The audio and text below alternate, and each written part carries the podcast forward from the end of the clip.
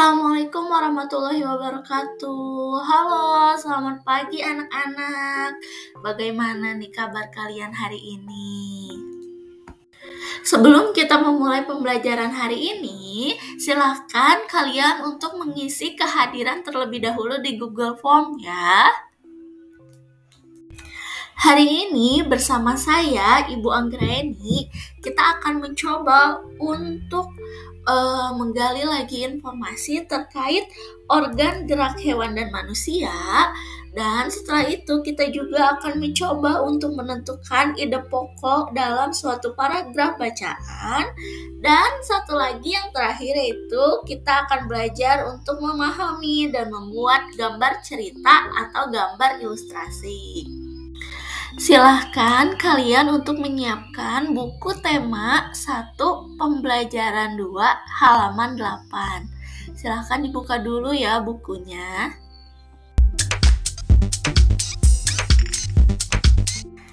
Kita akan memulai dengan organ gerak hewan dan manusia.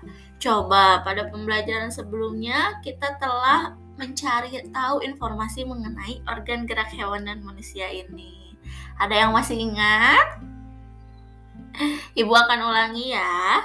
Salah satu ciri dari makhluk hidup adalah bergerak. Secara umum, gerak dapat diartikan berpindah tempat atau perubahan posisi sebagian atau seluruh bagian dari tubuh. Makhluk hidup akan bergerak apabila ada rangsangan yang mengenai sebagian atau seluruh bagian tubuhnya.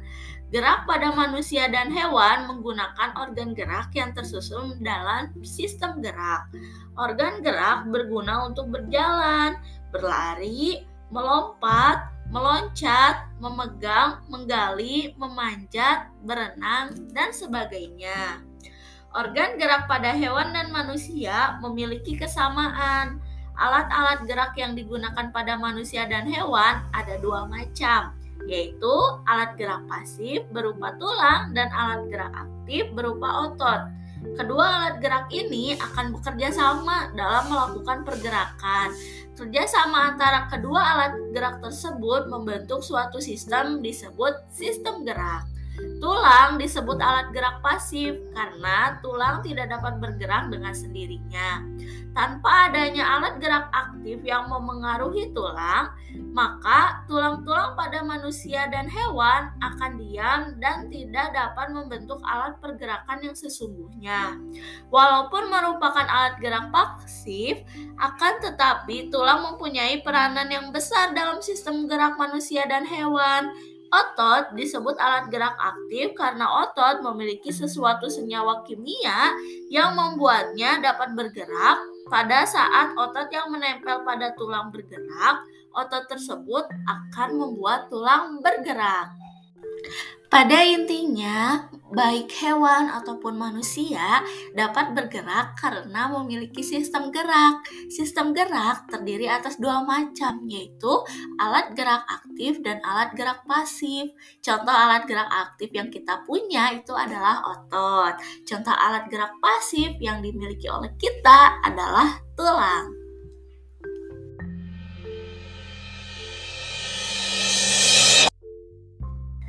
Selanjutnya, silakan kalian buka buku tema 1 halaman 9.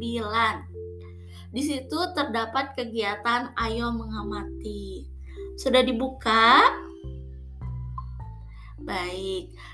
Eh, di situ terdapat berapa gambar? Ya, betul, empat gambar. Coba kita perhatikan, ini tuh namanya gambar cerita atau gambar ilustrasi.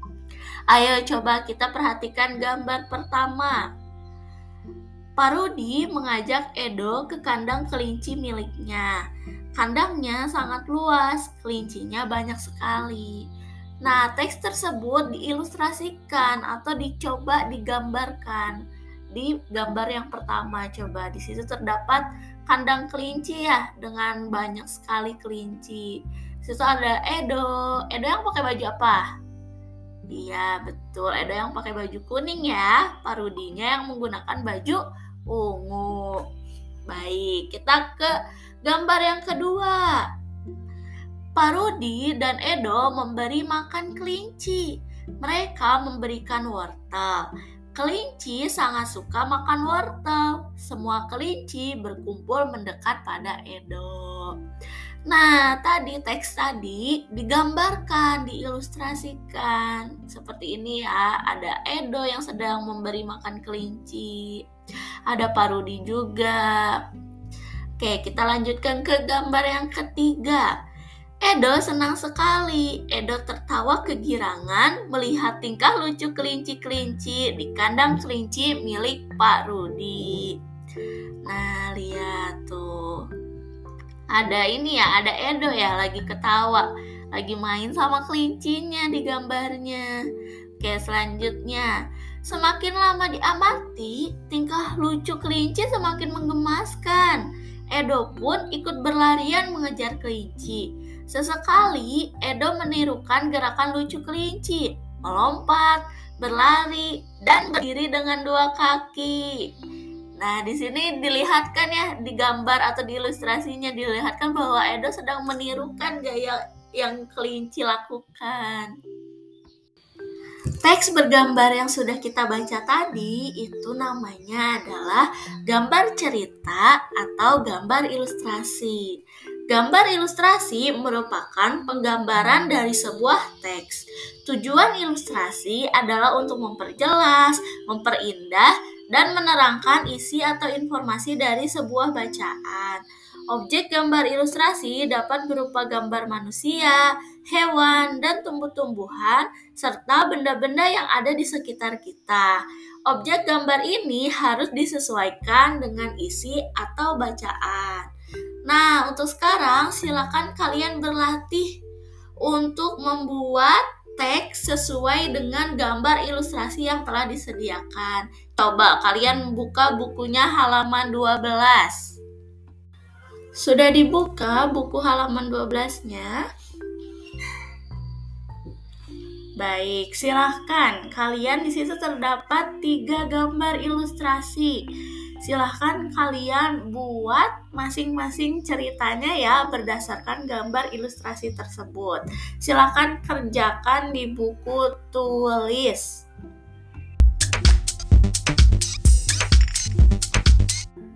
Selanjutnya, kita akan mencari ide pokok dalam suatu paragraf bacaan.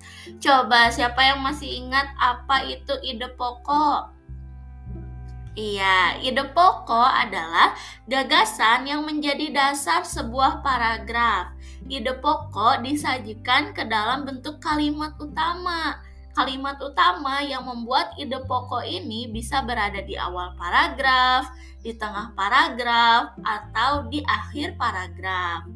Nah, sekarang kalian coba tentukan ide pokok yang terdapat dalam teks bacaan pada halaman 16. Coba dibuka bukunya halaman 16. Sudah? Nah, di situ ada teks bacaan yang berjudul Gerak Ikan Dalam Air. Ada? Nah, di situ ada tiga paragraf. Silahkan kalian tentukan ide pokok dalam masing-masing paragraf. Siap? Tugasnya ditulis ya di buku tulis, kemudian dikumpulkan ke ibu melalui WhatsApp. Oke? Okay?